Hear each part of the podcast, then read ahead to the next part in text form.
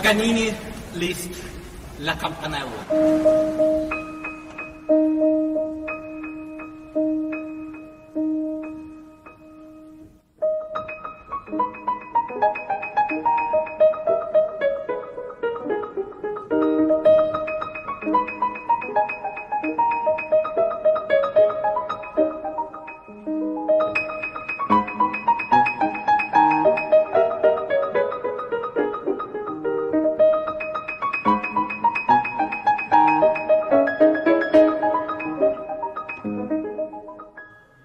Gawie die beroep het onder baie druk gekom. Jy het nou verwys dit was veral by se gestremdes 'n baie gesogte beroep en soos die digitale era ingetree het, het dit baie mense uitgeskuif uit die bedryf uit en ander weer betrokke gemaak. Ehm um, so, hoe sien jy die toekoms van die klavierstemmer of digitale klavierstemmer dan nou in moderne terme? Mens moet baie dank en waardering hê vir 'n meneer Dietman wat in 1903 in Suid-Afrika in Wellington in die Kaap het hy 'n fabriek kom stig. En daar het hy aanvanklik Deneman en ook Knight klaviere vervaardig waarvan Knight ek persoonlik dink hy het van die suiwerste klanke wat jy kan kry. Maar uh toe het hulle hier rondom 1909 1910 het hulle met die Unie regering ooreengekom om by Woester die siggestremde mense wat 'n goeie gehoor het op te lei met handlangers om hulle in 'n bedryf te stel. Die res van die mense is opgelei as uh skakelbordoperateurs. Maar toe het hulle baie goeie klavierstemmers opgelei vir jare. Nou, miskien moet dit die agtergrond gee dat daar twee groot verkopers in die land was van klaviere aan die staat. Want die staat was die grootste kliënt uh en dit was een die Dietman fabriek wat nou na 1959 57 het hulle toe oorgeskakel na Dietman klaviere, Ibach klaviere, Ludwig Meister klaviere en nog 'n reeks ander klaviere wat hulle in Suid-Afrika aan mekaar gesit het vanuit Duitsland uit nie. En die ander reeks uh, in Asië het hulle gaan uh, kyk na watse klaviere die Koreane maak en toe hulle by die Yongchang fabriek het hulle uh klaviere, ons sê ons soek 1000 van hierdie, maar jy sit die naam Bernard Steiner daarop. En toe het hulle dit nou ingevoer en bemark onder die naam van Bernard Steiner. En toe het hierdie maatskappy toe na die dink seker die derde of die vierde geslag Dietmar toe gekom en gesê, "Hoekom moet ons mekaar se kele afsny? Ons kan saamwerk. Julle maak goeie klaviere, ons bemark dit vir julle wêreldwyd." Hulle toe nou ingestem daarmee. Dit was nie 'n goeie besigheidsbesluit nie want van die bemarking het absoluut niks gekom nie. En toe in 1998, toe was daar so baie voorraad dat hulle uiteindelik uh, insolvent geraak het. Hulle kon dit nie verkoop kry nie. En uh, so daarmee saam het die opleiding vir klavierstemmers veral sy gestremdheid het tot einde gekom in Suid-Afrika. Nou, twee van my kliënte is toevallig, een in Elim daar in Limpopo en die ander een in uh, Louis Trichardt in Limpopo, is twee Amerikaanse sendelinge. Beide van hulle se vrouens is konsertpianiste. En uh, toe het hulle vir my gesê dat uh, hulle het toe hulle nog BMus studeer het, was haar 'n uh, keusevak elementêre klavierstem. En hulle het beide van hulle dit geneem.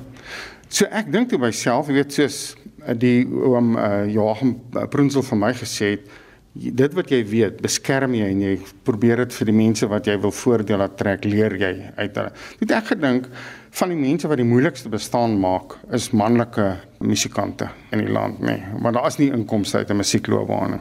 En ek het gedink ek het hom almal alreeds gemaak vir een van my kliënte by universiteit wat 'n musiek doseer dat ek en dan hierdie persoon in Nelspruit Harry Green vir wie ek die grootste respek het. Ek sal my kennis uh miskien moet ek ook vir sê daar is nie baie mense wat digitaal stem in die land nie. Dit is die, die metode wat ek gebruik het het ek self ontwikkel om 'n perfekte stem te probeer kry.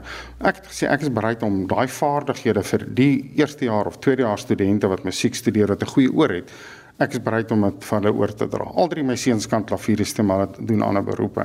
En dan het Harry Green ingestem. Hy sal sy tegniese vaardighede ook beskikbaar stel om op daai manier musikante op te lei as klavierstemmers ek dink dat die meeste ouens wat nou vandag nog funksioneer, leer maar by ander mense as wat bereid is om hulle kennis met hulle te deel. Maar ek persoonlik dink dit is die beste toekoms vir die klavierstembedryf. Ja, mense speel baie keer klavier op gehoor, soos hulle sê en ek dink wat klavierstemmery betref, ook baie tyd 'n baie goeie oor hmm. en dan ontwikkel dit in 'n beroep, maar jy het nie werklik al die vaardighede en die kennis aangeleer nie want daar's nie so 'n universiteitsgraad nie. Ja.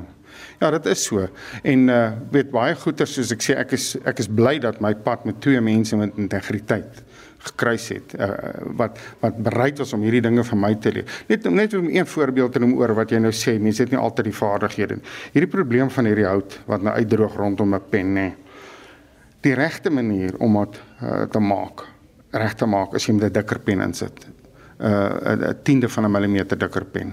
As daar is daar 16, 17 verskillende diktes. Nou kry ons wat die penne inslaan wat jy jy seer die eh, skroefdraad. Jy kry ouens wat vir jou 'n paar duisend rand vra lê hom plat want hulle hom elkeen van hierdie gaatjies een of ander lym insit. En al wat daar gebeur is jy verniel die hout wat daarin is, né? Uh so dit is dis van die goed wat mense verkeerd kan doen. En dieselfde ook met hierdie houtskeniere, jy weet dis 85 88 note, meeste klaviere het drie houtskeniere. Die regte ding is om te doen as 'n houtskenier weet vasgesit het, jy moet die asie uitdruk en dan moet jy met 'n baie dun driehoek veiltjie moet jy omruim en die asie terugsit of 'n nuwe asie insit nê. Maar die ouens kom en hulle vat hulle spuit net eenvoudig spookpapier op nê. Dat gee vir jou miskien 3 maande dat hy en dan begin daai goed versteen en skade doen. So daar's regte en verkeerde maniere. En dit is maar ek dink is belangrik dat mense uit die ervaring van mense wat weet hoe die goeders werk. Daar's minstens twee wat dit wil oordra aan jong geslag. Is so interessant. Ek was in Kiba en daai ou motors wat so op die poskaarte is en presies dieselfde ding. Is eintlik die dop wat so lyk, maar binne kan hulle nie meer onderdele kry nie, ook omdat dit so geïsoleer is. Hulle kan nie van Amerika af invoer is boikot en so.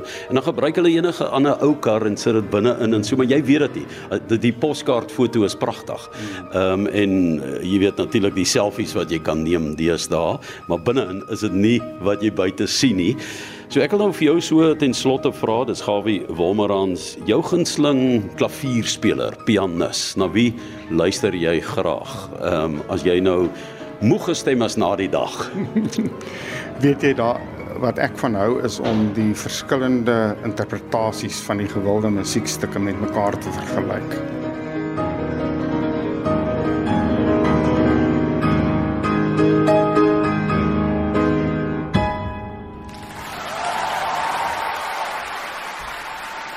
Weet en dan het ek agtergekom dat byvoorbeeld uh, La Campanella nee dat 'n totaal onbekende komponis dit baie beter uh, speel as wat ander ouens dit doen. Want soos in enige in die klassieke wêreld en in opera kry mense wat hulle stem vertoon of hulle vaardighede vir wil vertoon en ander wat 'n stuk wil interpreteer. So ek het nie regtig 'n gunsteling een nie, maar ek hou van daai ene wat regtig die atmosfeer en die bedoeling van die stuk tot sy reg laat kom. Ek en my vrou het nou al omtrent so 70% van die wêreld gesien. Maar baie jare gelede het ons bloot per toeval in die binnekant van Carcassonne in die suide van Frankryk het ons middernagtelike ure aangekom het want dit was in die wêreldbeker tyd dat ons die treinskedules verkeerd verstaan het. Toe ek net op aangedring, ons gaan daai nag 12:30 gaan ons in die die die kasteel se ruimte instap en ons gaan kyk hoe daar ag met ons die volgende 5 uur met ons trein vat na die volgende plek toe. En toe ons so instap, toe hoor ek daai tyd was die Gypsy Kings baie gewild met uh, met al hulle musiek. Ek hoor hierdie musiek speel. En ek het nie geweet ek is onlangs uitgevind hulle is Katalonies in die suide van Frankryk en die noorde van Spanje word kat in hulle musiek word in Katalonies gesing. Dit word nie in Spaans gesing nie. En toe ons by hierdie openlig tuin instap in hierdie kasteel, toe is die Gypsy Kings besig om daar op te tree. En so het dit gebeur dat ons een keer 10 jaar later toe ons in in in uh, Kopenhagen kom, in in die uh, pretpark daar die die Tivoli hulle sê Tivoli toe is dit op hulle nasionale vakansie daar. Ons sien toe daar op die verhoog sien ons twee sulke lang bokse waar daar MTLR MTLR op staan. En ons wil toe huis toe gaan. Die res ons was twee gesinne wat gegaan het. En sê nee maar kom ons wag hier's 'n konsert. Toe is dit Michael Lynch to rock wat optree. So dit is van die verrassings wat ons al gehad het. Dit was wonderlike hoogtepunte van ons lewe